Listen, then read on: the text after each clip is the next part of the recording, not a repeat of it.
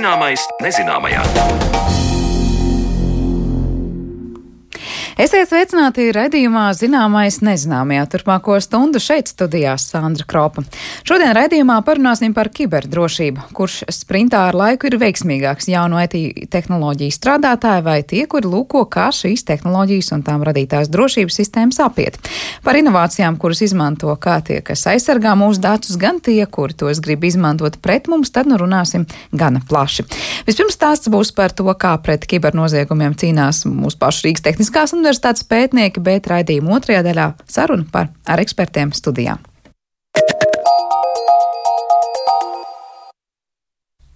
Pēdējā laikā Covid-19 noteiktie ierobežojumi ir veicinājuši gan attālinātu strādāšanu, gan mācīšanos interneta vidē un arī internetā pirāti, jeb hakeri, izmanto šo rosību, lai izstrādātu arvien jaunas metodas, kā piekļūt dažādiem datiem. Kādas ir šo kibernoziedznieku metodas un kādas aizsardzības programmas pret šādiem ļaundariem ir radījuši Rīgas Tehniskās Universitātes informācijas tehnoloģiju speciālisti? Par to interesējās mana kolēģe Zane Lāca. Rīgas Tehniskās Universitātes informācijas tehnoloģiju speciālisti ir izstrādājuši jaunu programmu, kas palīdz laikus atpazīt kibernoziedzniekus, kuri ir ieinteresēti sensitīvu datu ieguvē, protams, naudas pelnīšanā internetā un reizēm vienkārši huligānismā interneta vidē. Ļaundaru uzbrukumu sarežģītības pakāpe visu laiku pieaug, un tāpēc ir arvien grūtāk laikus reaģēt uz dažādiem apdraudējumiem datortīklos. Tā teica Rīgas Tehniskās Universitātes Informācijas tehnoloģijas institūta direktors profesors Jānis Grabis kurš stāsta, kāds jauns risinājums un aizsardzības programmatūra ir tapusi Rīgas Tehniskajā Universitātē. Tas, kāpēc mēs mēģinājām izveidot savu risinājumu, ir tas, ka ļaundaru uzbrukumu sarežģītības pakāpe visu laiku pieaug un ir arvien grūtāk laicīgi reaģēt uz dažādiem apdraudējumiem datortīklos un kopā informācijas tehnoloģijas infrastruktūrā.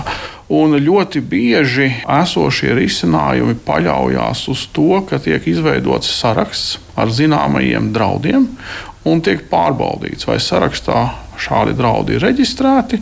Un, ja tie tur ir atrodami, tad no, mēs attiecīgi varam veikt darbības, kā šos draudus novērst. Savukārt, ja šādi draudi vēl nav identificēti, tad sarakstā viņu nav. Un līdz tam brīdim, kamēr viņi sarakstā parādīsies, varam ciest no dažādām ļaundabīgām darbībām datortīklā.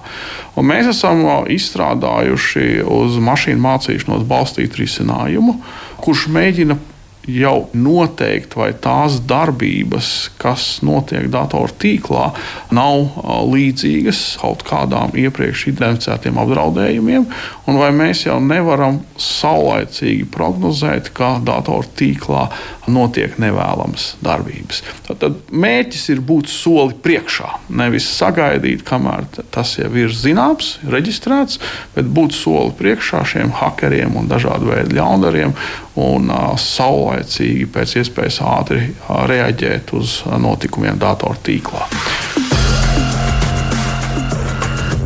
Minētā programma ir paredzēta tādām iestādēm, kurās ir vāji kontrolējama informācijas tehnoloģija infrastruktūra. Tas nozīmē nepārāk drošs datortīkls, kurā var pieslēgties visdažādākie lietotāji, kuru identitāti ir grūti noteikt, bilst Jānis Grābis. Un tas ir sevišķi svarīgi tagad, kad ļoti daudz cilvēku, gan darba vietās, tagad skolnieki ies uz skolu, daudzi strādās attālināti. Un tā infrastruktūra, ko cilvēki izmanto strādājot no mājām, ir ļoti dažāda tiek izmantot ļoti dažāda datortehnika ar ļoti dažādu programmatūru. Programmatūra var būt novecojusi, lietotāji varbūt nav atjaunojuši un uzstādījuši jaunāko versiju. Un parasti tīkla pārvaldībā, tad, kad tas notiek uzņēmuma iekšienē, mēs pieturamies pie noteikta noteikuma kopuma. Un, tad mēs uzskatām, ka tā mūsu infrastruktūra būs salīdzinoši droša, jo mēs visu laiku kontrolējam, kas tajos datoros notiekās. Bet, ja mēs iedomājamies tādu vidi kā universitāte, arī skola, pieņemsim, ja vairākas skolas izdomā sākt pasniegt vienu un to pašu mācību priekšmetu kopā, tad tā infrastruktūra kļūs ļoti raiba. Un, tiklīdz tā infrastruktūra ir raiba, viņa ir daudz grūtāk pārvaldīt, un ir iespējamas dažādas kļūdas, dažādi ļaundaru uzbrukumi un cita veida nevēlamas aktivitātes. Tas varētu būt tas ļaundaru mērķis. Ko viņi, piemēram, šādā augstākajā mācību iestādē, kāpēc viņi gribētu kaitēt? Ļaundaru mērķi ir visdažādākie. Piemēram, ja mēs skatāmies, kādi ir bijuši incidenti augstākās izglītības iestādēs, daži ļaundari gluži vienkārši grib izklaidēties. Jūs varat iedomāties, tā ir attālinātā lekcija, 90 minūtes gara, kļūst garlaicīgi. Nu, mēs taču varam pamēģināt, vai nevar kaut kā tur uzsvešināt to, kas atsvaidzināt to, kas tur notiekās. Un tie nav tādi nolūki, kuriem ir krimināls raksturs, bet uh, gluži vienkārši cilvēki domā, ka viņiem būs jautri, nenojaušot, kā citiem varētu būt traucējoši. Nu, tad, protams, ir uh, otra grupa ļaundaru, kura mēģina izmantot uh, citu cilvēku datorus dažādiem sev svarīgiem mērķiem. Un divas tādas ļoti problemātiskas jomas mūsdienās ir, ka, piemēram, uzņēmumam atsūta rēķinu, kurā ir pilnībā replicēta visa tā informācija, kurai vajadzētu būt iekšā jebkurā normālā rēķinā. Viņš ir uztaisīts pēc iespējas līdzīgs tam, kādus rēķinus uzņēmums ikdienā saņem no saviem piegādātājiem. Tur visticamāk ir ielikt iekšā gan šo piegādātāju vārdi, gan kontaktpersonas, tikai ir ielikts cits konta numurs. Un uh, cilvēku kļūdas dēļ tiek pārskaitīta nauda šādiem ļaundariem. Nu, tad tiek sūtīti šādi viltus paziņojumi ar mērķi, lai cilvēki par to samaksā. Un otrs, kas pašlaik ir ļoti populārs, ir, ja tā var izteikties, populārs, ir šī datu šifrēšana datorā. Ļaundari pārņem jūsu dators un šifrē to cieto diskus. Un pēc tam pieprasa atlīdzību, lai jūs varētu atgūt savus datus. Tagad ir aktualizējusies šī tendence, ka gan augstākās izglītības iestādēs, gan skolās visas darbības ir atkarīgas no šīs. Tiek veikts tieši saitē, kā hakeri ir izvirzījuši tās par vienu no saviem mērķiem, kā tas varētu būt salīdzinoši viegls izspiešanas mērķis. Nu, jūs minējāt organizācijas, pieminējāt mācību iestādes, kur hakeri šos datus nozog. Bet, ja mēs skatāmies uz ļoti parastu datoru lietotāju, kāds apdraudējums var būt nu, cilvēkam, kurš skatās, vai viņš ir kaut kādos sociālos portālos? Hakerus reti interesē viens atsevišķais cilvēks. Viņi strādā ar masām. Princips tas, ka viņi internetā tātad ir milzīgs skaits lietotāju, ir pieslēgtas ļoti daudz ierīces, un hakeri meklē vājo vietu. Kādā veidā, kam var piekļūt klāt, un, protams, ka viņi izvēlās upurus, kuriem var viegli piekļūt klāt un, protams, arī tādus, no kuriem varētu kaut ko izspiest. Un šis jautājums gadās ļoti bieži, vai ierindas pilsonim šie kiberdrošības apdraudējumi ir tik kritiski svarīgi, kā varētu likties. Protams, ikdienas pilsonis tāpat ir pakļauts šiem pišķerēšanas mēģinājumiem, kuros tad sūta šos ēpastus, lai noskaidrotu internetbankas paroles, lai noskaidrotu dažādo sociālo tīklu paroles un tam līdzīgas lietas. Ja mēs apskatītos savā mēstules mapītē, e-pastam, mēs regulāri redzētu, ka tur ir ziņa no vienas vai citas bankas, no Facebook vai no Gmaila, ka jums noteikti vajag aiziet uz to un citu vietu un ievadīt savu paroli, lai kāds varētu viņu pēc tam iegūt. Nu, un, protams, apdraudējums internetbankas gadījumā ir ļoti skaidrs un viennozīmīgs. Tajā brīdī, kāds var izmantot jūsu internetu banku, lai veiktu pārskaitījumus. Un tāpēc arī pēdējā laikā lielākā daļa Latvijas banku ir ieviesuši šo divu faktoru autorizāciju, lai nebūtu tik viegli piekļūt klāt lietotāja internetbankas kontam. Ja mēs runājam par sociālajiem tīkliem, nu tad, protams, pavisam vienkāršs apdraudējums, kuram var būt dažādas sekas, ir, ka, ja kāds ir pārņēmis jūsu sociālo tīklu, jūs varbūt negribat, lai jūsu vārdā raksta tādu vai citus paziņojumus. Un, principā, varētu pat teikt, ka it kā jau tāda tieša apdraudējuma nav. Nu, es lieku iekšā savus sunīšu fotogrāfijas, es lieku savus ceļojumu bildes iekšā un tā joprojām. Bet ļaundari ļoti bieži izmanto dažādus psiholoģiskās inženierijas paņēmienus, kas nozīmē, ka par cilvēku var tikt izveidots viņa profils. Un tajā brīdī, ja kāds grib izkrāpt no jums naudu, ļoti labi ir sarunā pielikt klāt tādas privātas detaļas. Pat ja tas viss pārējais uz jums neatiecās, tad, ja viņi pasaka, kāds ir jūsu suņu vārds, tad uh, uzreiz tā saruna viņiem virzās uz priekšu krietni raitāk, un viņi var šo informāciju izmantot.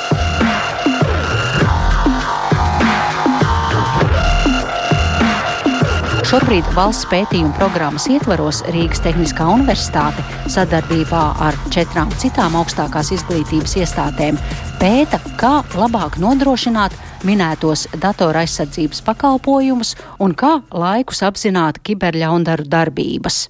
Un, pētījuma ietvaros mēs sevišķi gribam uzsvērt, ka ir nepieciešama sadarbība dažādu institūciju starpā. Latvijā ir vairāk desmit augstākās izglītības iestāžu, vairāki simti skolu, un pašlaik lielā mērā Katra augstākās izglītības iestāde, katra skola ar šiem drošības izaicinājumiem cīnās atsevišķi.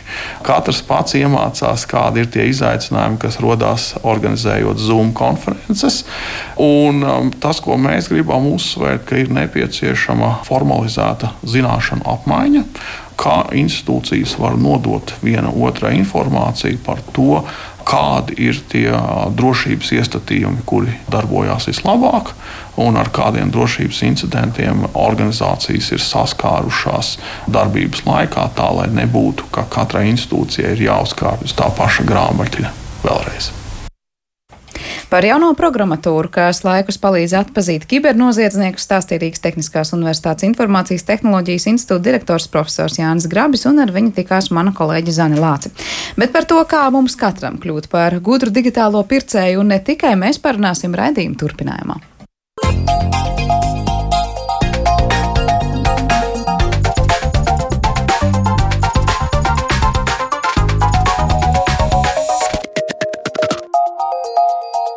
Zināmais nezināmajā. Dzīve tiešsaistē īpaši jau šogad nevienā valstī ir uzņēmusi arvien lielākus apgriezienus. Mēs internetā arvien vairāk iepērkamies, mācāmies, strādājam un arī atpūšamies. Tas viss tikai norāda uz to, ka datus par sevi digitālajā vidē arī mēs atstājam gluži kā pēdu nospiedumu smiltīs, bet kā tad dzīvot šajā gadsimtā tā, lai vienlaikus baudītu visus labumus, ko sniedz digitālā vide, bet arī lai e, nepakļautu sevi riskam uz šiem un citiem jautājumiem, mēs atbildes šodien meklēsim atlikušajā raidījuma sadaļā, kad studijā esam aicinājuši uzrunājuši uzņēmuma Cyber Circle vadītāju Aleksandru Orlovu. Labdien! Labdien! Un informācijas tehnoloģiju drošības incidentu novēršanas institūtī CERTLV kiberdrošības ekspertu Gintu Malkalnietu. Labdien! Labdien! Es jau te piesaucu dažādās jomas, nu, gan mācīšanos, gan iepirkšanos un izklaidi un daudz ko citu internetā. Vai mēs varam teikt, ka nu, mūsu nezināšanas un neuzmanības dēļ kāda no tām jomām ir tāda mums riskantākā un tā, kurā mēs nu, visvairāk varam par sevi nezinot tos savu pēdu nospiedumus? Proti, datus par sevi atstāt tiem, kuriem nu, nebūtu jānonāk ar, ar tiem datiem kaut kādā saskarē. Kura jūsuprāt ir tā? Nu, teiksim, jebkurā gadījumā, kur jūs dodat visus datus par sevi, kas ir piemēram tipisks internetu veikals. Ja jūs viņus dodat labā ticībā, kad viņi tos datus spēs attiecīgi glabāt, apstrādāt, ja viņi nekur nenonāks tālāk pie tiem, kam nevajag.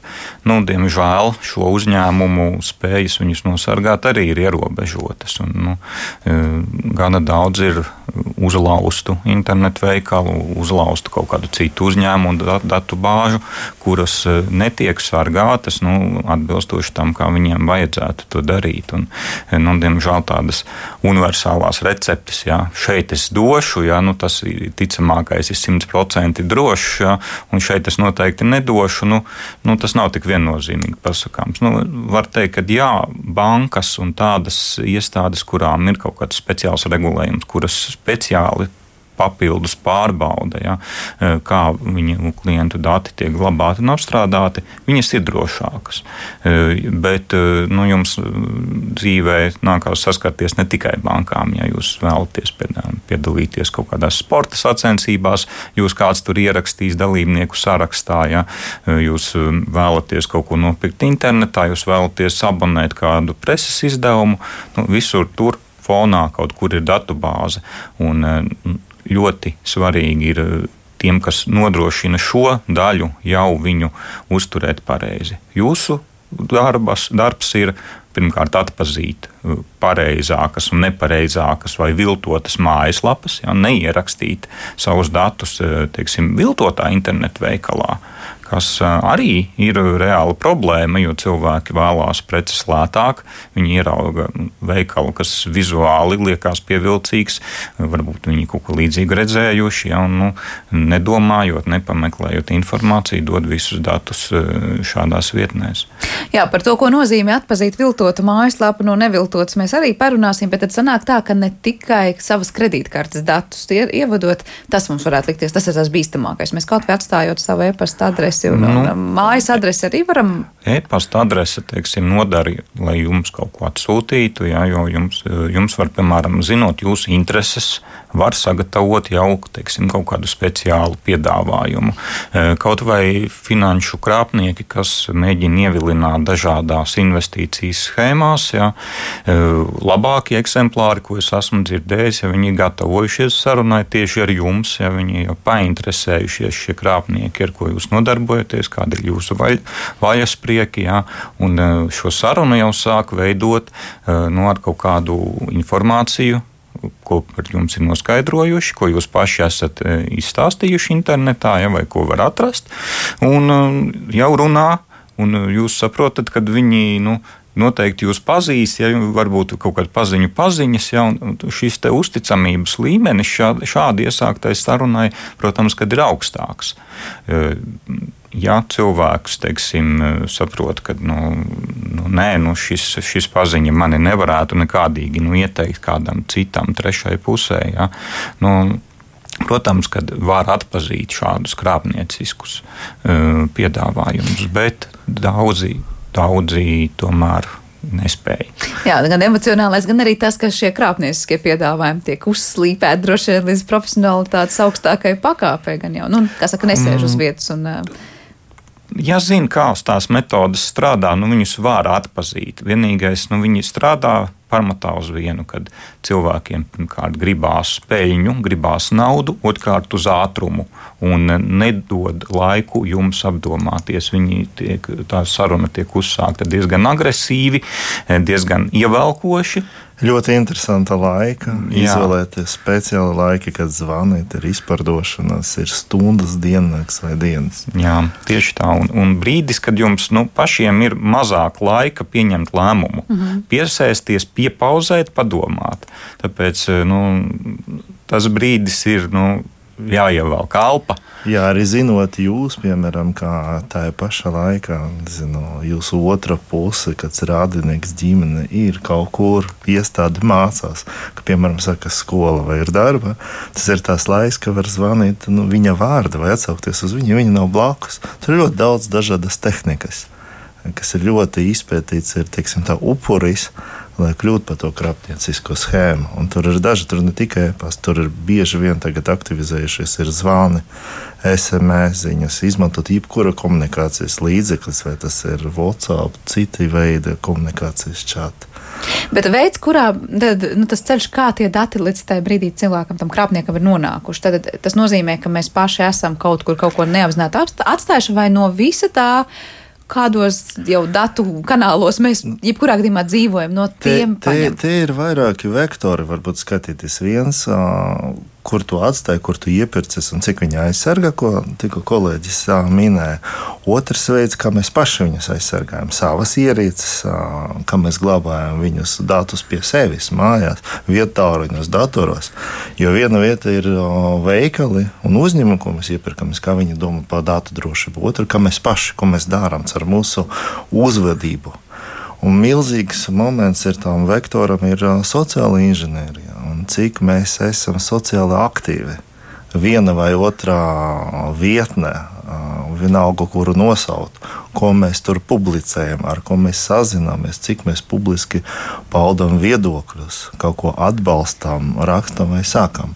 Jo vairāk informācijas mēs dodam uz āru, neapdomāti, jo lielāka varbūtība to var izmantot un savilkt kopā draugu paziņas, intereses lokus, iepirkšanas parādumus, kur ņemot vērā intereses un kādu un biežumu. Tad tā, informācija, ko dodam uz ārā šajā brīdī, tad krāpniekiem ir derīga kaut vai par to, ja mēs sociālajos tīklo, tīklos tur paužam savu viedokli, uzrakstam, kas mums patīk, kur atpūšamies un tā. Jā, vai, teiksim, publicējam bildes. Ir speciālas programmas, ja, kas šādus datus ļauj automātiski savākt no dažādām šiem sociālo tīklu vietnēm, ja, teiksim, pārbaudīt, kur tur ir jūsu e-pasts paspīdējis, ja, kādus jūs vēl kontus lietojat, jau kaut vai izanalizēt to pašu Instagram, paskatīties fiziski, ja nu, kādās lokācijās jūs esat bildējušies. Ja. Nu, šīs visas lietas var savākt kopā un sagatavot diezgan labu um, portretu ja, par nu, jebkuru praktiski personu, kas daudz maz aktīvi nu, kaut ko publicē internetā. Un tad nākamais solis tam krāpniekam būtu saprotot to cilvēku portretu, nu tad piedāvāt viņam it kā ļoti, ļoti vilinošu piedāvājumu kaut ko pirkt, vai kādas ir tās izplatītās schēmas? Tur ir um, daudzi arī. Tur daudzi momenti, ir ņemot vērā portretu, kas ir cilvēks. Un kāds ir mērķis tam? Uh, var iet ar prizmu kaut kādas aktivitātes, hobiju, var iet ar sadarbības prizmu. Vienmēr apakšā mērķis uh, kibernoziegumam ir nauda. Un tas ir viņa izpaužas dažādos veidos. Vai atvērt kaut ko, vai uzinstalēt, vai uzklikšķināt uz linku, lai dabūtu kādu ļaunaturu, vai vienkārši ievadīt konta datus vai kreditkartes. Tur ir dažādas taktikas. Ir ļoti svarīgi, kas ir pretī kāds viņam ir portrets, jo to cilvēku, kuram bieži vien sūta, ja tas nav vienkārši spāms un izsūtīts lielam daudzumam, bet tas ir tāds mērķēts uzbrukums. Nu, pietiekami daudz ir savāka informācijas, uz ko klikšķina cilvēks, cik viņam ir, teiksim, tā varbūt negluži precīzi ienākumi, bet tie parādumi, ko cilvēks izpauž. Un tad tāpēc veidojas diezgan liels varbūtība, ka trāpīs uz to un nepamanīs. Ja es bieži vien ēdu tur vai iepirkos šur, un līdzīgi izskatās e-pasts vai zvans, piemēram, ka tas ir mans konsultants vai mans banķieris zvana, jo es nespēju to identificēt. Tiepaši, ja ir tāds, nu, tu skrien kaut kur un tev nav laika pieņemt. Jūs teicāt, ka ir tās konkurētās stundas labākās, kad zvanīt. Vai tās ir tādas vispār pieņemtas arī diennakts laika, kuros īpaši jāuzmanās, vai tas būs mērķēti katram, kā jūs teicāt, kad nezinu, es bērnu skolā vai? Es pieļauju, ka tas būs mērķēti katram. Noteikti ir divi veidi. Ir, ir kibernoziedznieki, kas ņem uz māsu, kas sūta spāmus un varbūt ne tik gudras vai pārdomātas vēstules. Vienkārši uz daudzumu, plašumu, lai vairāk cilvēki mēģina atvērt, klikšķināt, vai veikt tādus zvanus, lai viņam atzvanā atpakaļ vai kaut ko atbild atsūta. Un tie, kas ir mērķēti, nu, tur zinās, kad zvanīt. Protams, ir darba diena beidzas vai starp nu, kaut kādiem posmiem, mītiņiem. Viņam tam piebilst par to labāko dienas laiku katram, uz kurā jāuzmanās. Nē, nu, šī gadījumā, protams, kad katrs uzbrukums, kas ir domāts tieši jums, ja nu, viņi piemeklēs to laiku precīzāku, nu, ņemot vērā to informāciju, ko viņiem ir izdevies savākt. Ja. Protams, arī nu, tās personas var uzrunāt caur dažādām prizmām, jā. ieskaitot, piemēram, pat draudus, draudus ģimenei, draudus atklāt kaut kādu informāciju, draudus, teiksim, kolēģiem pārsūtīt viņu privāto video, kas ir nozagta no viņu telefona. Arī šādas taktikas eh, mēdz būt, ja, lai, piemēram, piespiestu cilvēkus eh, savā korporatīvajā tīklā nu, uzinstalēt teiksim, kaut kādu ļaunatūru, lai pēc tam noziedznieki jau veiktu jau no savas puses darbības, viņi ir ieguvuši ja, šo pirmo pieejas punktu, tur, kur viņi jau viņu tīklā, kas viņus interesē, un tālāk jau nu, veids teiksim, savas eh, kaut kādas darbības. Nu, pat kā bija publikācija nedēļas, pagājušās nedēļas beigās, kad viens no eh, korporācijas darbiniekiem bija uzrunāts ar nu, piedāvāts, ja nemaldos, miljonus dolāru par to, lai viņš savā korporācijā, lielā korporācijā, ja nemaldos, Teslā, eh, uzinstalētu ļaunatūru un par, nu, vēlāk teiksim, ar domu, ka viņi izplatīs šifrējošos datorvīrusus vai veiks citas darbības tīklā un piespiedīs to korporāciju maksāt izpirkumu. Un šādas darbības, diemžēl, notiek.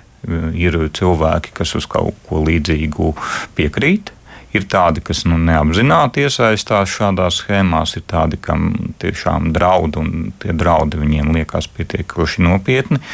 Un, nu, šo lielo apjomu uzbrukumi ar domu nozagt, eh, vai izkrāpt, vai piespiest samaksāt miljonus, nu, diemžēl beidzamā gadā ir ļoti, ļoti pieauguši. Te varbūt viena piebilde ir, ir jāapzinās, ka tā otra puse, tie noziedznieki, viņi arī strādā vai darbojas ar tādu nu, teiksim, tā finanšu modeli. Jo vairāk viņam ir jāiegulda, lai izpētītu, jo viņam paiet gan laiks, gan līdzekļi, lai taisītu mērķētu uzbrukumu.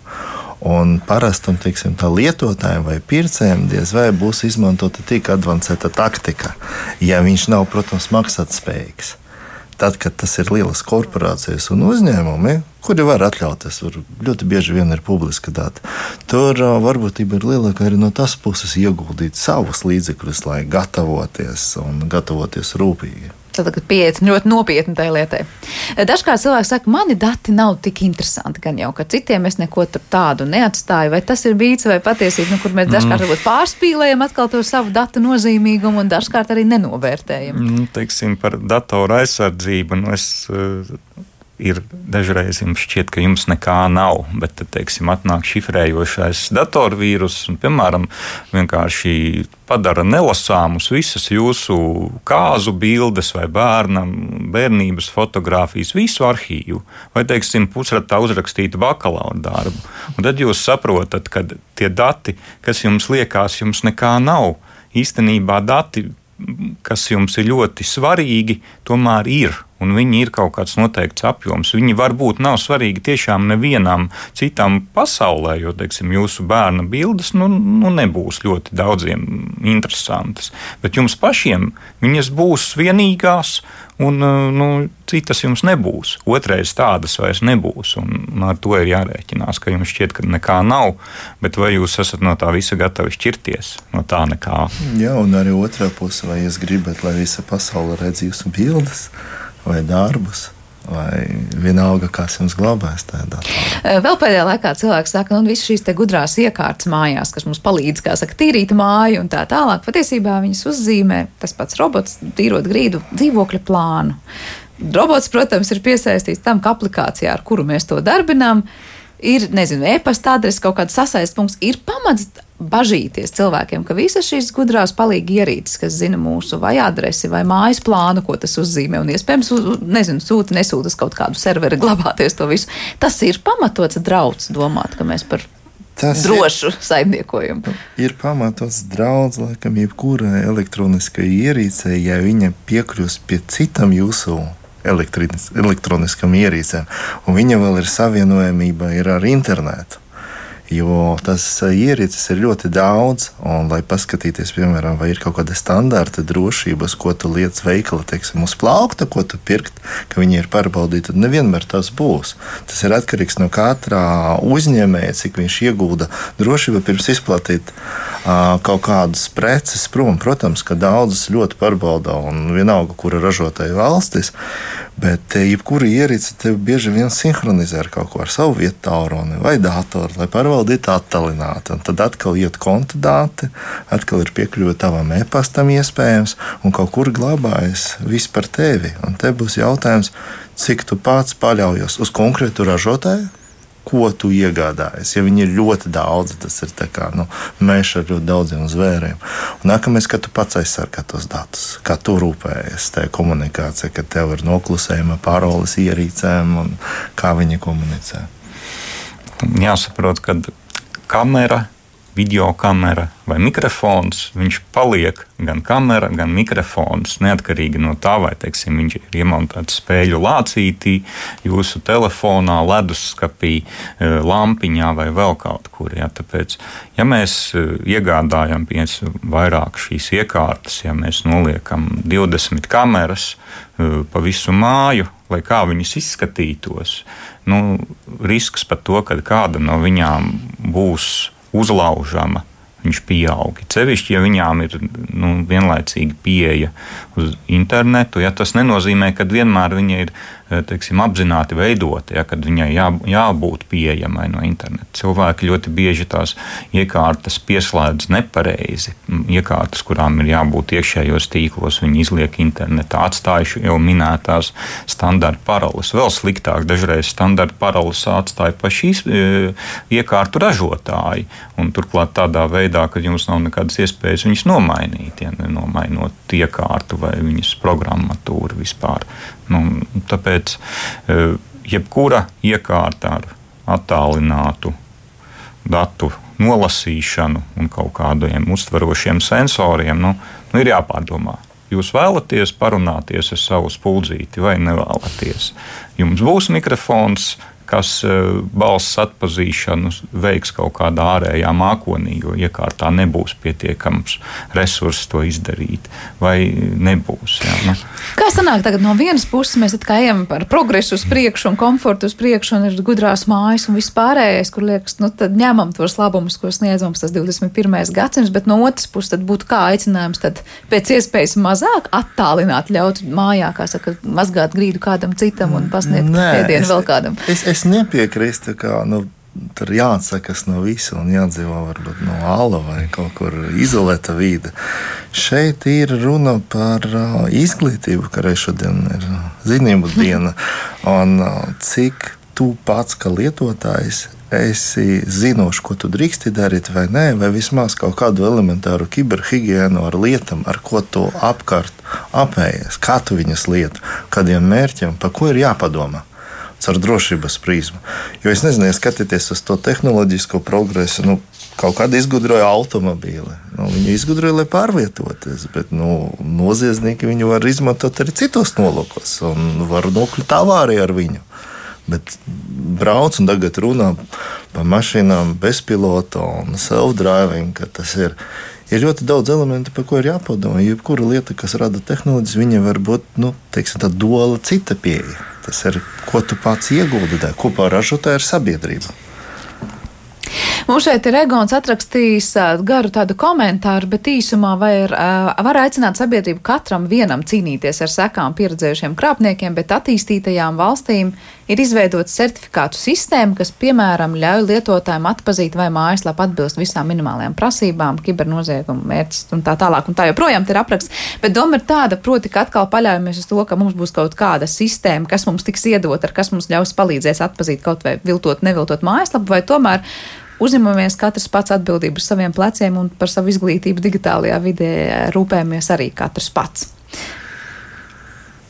Par kaut kādām vispārēji certificētām mājaslapām, teiksim, nu, es neesmu konkrēti dzirdējis. Ir šie identitātes certifikāti, ko var piešķirt ja tam, tam vai citam resursam. Nu, problēma visbiežāk ir tā, ka cilvēkiem ir jāspēj viņus adekvāti pārbaudīt un saprast, ko šīs pārbaudas rezultāts uh, nozīmē. Ja, jo ļoti bieži, teiksim, uh, nu, var būt mājaslapa, kam ir piemēram šis digitālais certifikāts, ja, bet uh, viņas nosaukums pa vienu burtu atšķirās no oriģinālās. Jā. Jā, Tāpēc, es, es, es drīzāk fokusēju tā arī tieši domāt par zināšanām, gan, gan valsts līmenī, tāda kā līdzīgi kā mācā datoru prasmes skola, kā mācītu paralēli tam arī drošību, un tas ietu caur augstskolām un uz priekšu. Cik vienalga mēs iegūstam, bet mums pašam ir atkarīgs, kā mēs ko lietojam. Un mums jābūt viediem, tā, gan vied, lietotājiem, vietu pircējiem. Jo vēlreiz atkārtošu, varbūt tā analoģija ar automašīnu Mēs mācāmies, mēs ejam skoliņā, lai mācīties. Varbūt mēs ne pa mehāniķiem mācāmies, tas ir specializēta mācīšana, bet tīri piedāvāt programmas droša braukšana. Nu, līdzīgi arī šeit, savā ikdienas. Mācāmies lietošana. lietot vienkārši. Kādi, jūsuprāt, ir tie nu, pamatlietas, kas tad būtu? Jāpamana. Nu, ja mēs runājam, viltota mājaslapa, neviltota mājaslapa vai kāda aplikācija. Labi, viens burts, kā Gins jau teica, var atšķirties, nu, tad uzreiz uzmanīgi jāskatās. Nu, bet... Pirmkārt, saprast, ka teiksim, digitālā vidē e, identificēšana notiek arī nu, praktiski tikai digitāliem līdzekļiem. Tad vispār pieņemts šis digitālais līdzeklis, jā, šie uh, certifikāti, kas ir. Nu, savstarpēji nu, teiksim, uzticamības ķēdes kārtībā izdota nu, digitālie paraksti, ja, kas ļauj e, nu, šos resursus kaut kā identificēt, kas viņus ir izdevis. Ja, un, un, nu, ko viņš ir pārbaudījis. Diemžēl nelaime ir tāda, ka šie izdevēji ir daudz un dažādi, un šie certifikāti arī var tikt izdoti nu, ar dažādiem pārbaudes līmeņiem, ja, brīdī, kad viņus piešķir. Un, nu, tas nav ļoti vienkārši, ja, un tāpēc teiksim, tādi, tādi pamat.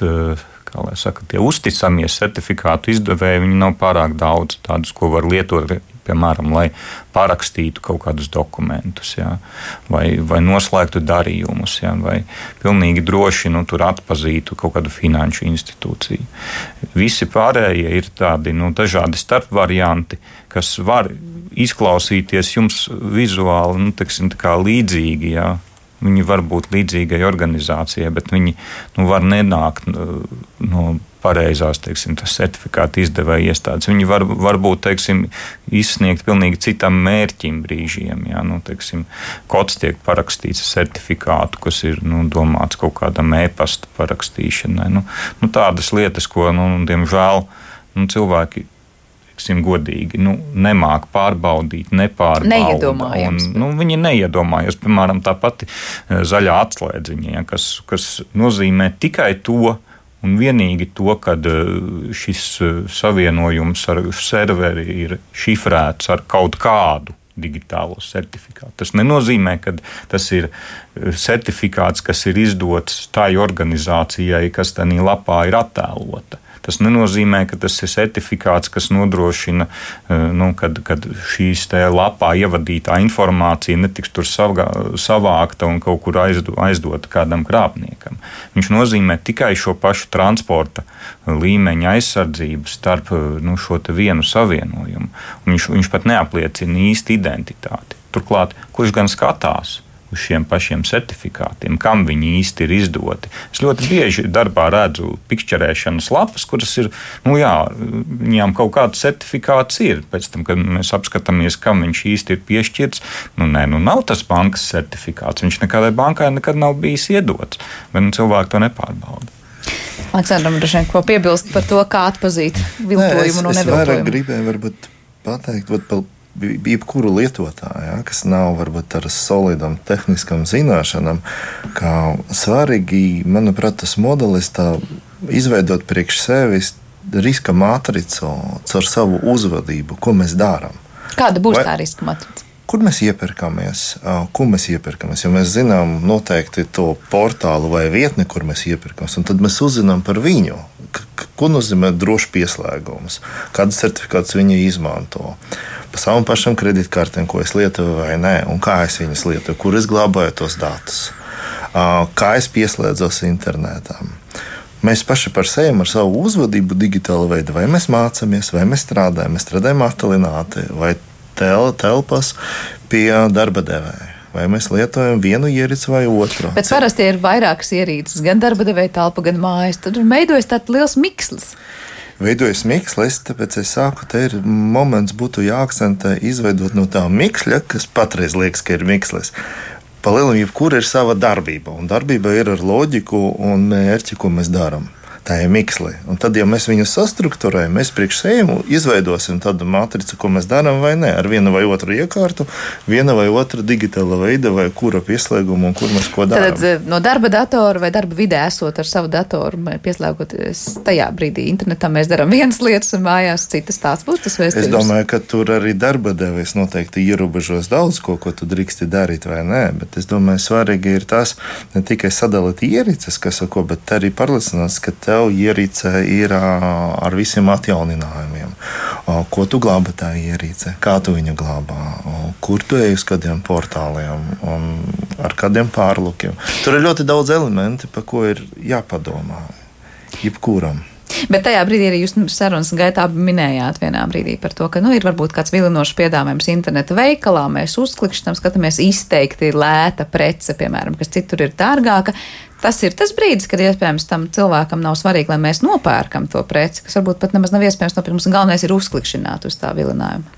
Varbūt arī tā. Var, var protams, būt uh, lapa, kas uh, tieši cenšas panāk, ka kāds viņu apmeklē. Viņi, piemēram, var automātiski meklēt kaut kādas ievainojamības ja, un izmantot nu, kaut kādas citas iespējas, lai nu, leju pielādētu teiksim, kaitīgu kodu mm, lietotāju pārlūkā, ja, vai nu, mēģinātu mm, pierunāt viņu kaut ko uzinstalēt. Ja, nu, ļoti bieži tas ir nu, kaut kāds atsaucās uz kaut kādu video kodēšanu, ja jūs nevarat paskatīties tur piedāvājumu, tāpēc, ka jums kaut kas nav, lūdzu, pieinstalējiet šo tur paplašinājumu. Protams, mūsdienās tie pārlūki paliek arvien labāki. Un, teiksim, pārlūki, piemēram, mobilās iekārtās, kas nav speciāli uzlaustas, ja, nu, nu viņi, no viņiem teiksim, ir ļoti grūti izkļūt un teiksim, sabojāt šo pašu iekārtu. Daudz grūtāk nekā nu, mājas datorā, ja parastā operētāja sistēma. Bet, nu, cilvēki kas aiz tā stāv, nu, viņi, jā, viņi diemžēl nemainās. Jā, noslēdzot šo sarunu, skatāmies statistiku. Nu, aprēķinās, ka kiberuzbrukumi pasaulē notiek vidēji pēc 39 sekundēm, un 95% gadījumu tie izdodas lietotāju nezināšanas un arī cilvēces kļūmju dēļ. Kāda jums ir tā sajūta? Vai arī Latvijā mēs runājam par to, ka to kibernoziegumu skaits ir tik liels, un mēs pat dažkārt nejūtam, kurā brīdī patiesībā kaut kas ar mūsu datiem ir izdarīts. Mums, teiksim, no profesionālā viedokļa brīžiem ir grūti pārliecināt cilvēkus par to, ka viņiem ir kāda problēma. Kad, nu, kad tas, kad viņi saka, ka viņu iekārtas strādā, nu, nenozīmē automātiski, ka viņas ir labā stāvoklī, kad viņas ir pareizi nokonfigurētas un ka caur viņām, piemēram, nu, turpinot viņa izpratnē strādāt, tad pat laikā netiek veikts kaut kāds uzbrukums citiem. Ja. E, saprast, ka e, tas, kas liekas man, kā strādājoša iekārta, viņa var būt vienlaicīgi uzbruk kādam citam un uh, uztur kaut kādu nelegālu saturu vēl trešajam. Ja. Šīs te vairākas funkcijas, ja vienā uzlaustā iekārtā ir tas, ko cilvēki nu, ļoti bieži nesaprot. Kad viņiem šķiet, ka nu, tas, kas man darbojas, darbojas, notiek vēl trīs citas lietas, ja, un tas viņiem nav redzams. Un, nu, tiešām grūti iestāstīt, kad mēs nerunājam mūsdienu digitālā vidē tikai par sevi. Ja? sevi par savu datoru. Man ir ļoti nu, bieži, kad cilvēks saka, ka man mājās viss datori kārtībā, vai man neviena datora nav. Pēc tam Jums ir video novērošanas iekārta, jums ir satelīta uztvērējs. Viņš arī ir dators, tikai savādākā korpusā. Jā. Bieži vien to, ko mēs redzam arī Latvijā, šeit pat ir ļoti atšķiras uzņēmumu briedums, brieduma pakāpe, kiberaizsardzība un arī tā izpratnē, ko vajadzētu darīt ikdienas operācijām un ar izglītību tieši ar cilvēkiem. Un droši vien jau uzdot jautājumu gandrīz jebkuram organizācijai vai jūs esat pārliecināti, ka jūs neesat kompromitēti kaut kādā veidā, nu, bieži vien nebūs tāda pārliecinoša jā. Jo ir ļoti daudz dažādu tehnoloģiju, jābūt ieviestu procedūru, rīku un iemaņu, lai tik droši apgalvotu. Jā, nu klausoties man jūsos abos tiešām arvien vairāk un vairāk gribas teikt, ka, nu, baudīsim tos labumus, ko sniedz tā digitālā vide, bet tas nozīmē, ka katru dienu mums arī jākļūst arvien gudrākiem un pašiem uzmanīgākiem tajā, kā mēs tajā rīko, rīkojamies, un labs piemērs mums bija ar to automašīnu, vai ne? Ne visiem ir jākļūst par automehāniķiem, bet par to, lai mēs brauktu ar mašīnu, mēs tomēr ejam un mācāmies. Paldies jums par šo sarunu, mēs dzirdējām Šajā raidījuma pusstundā uzņēmuma Cybercircle vadītāja Aleksandra Orlova un informācijas tehnoloģija drošības incidentu novēršanas institūcijas CERTLV kiberdrošības ekspertu Gintu Malkalnietu mūsu raidījumu zināmais nezināmajā studijā. Ar to arī raidījums ir izskanējis. Mēs tiekamies jau atkal rīt. Visu labu!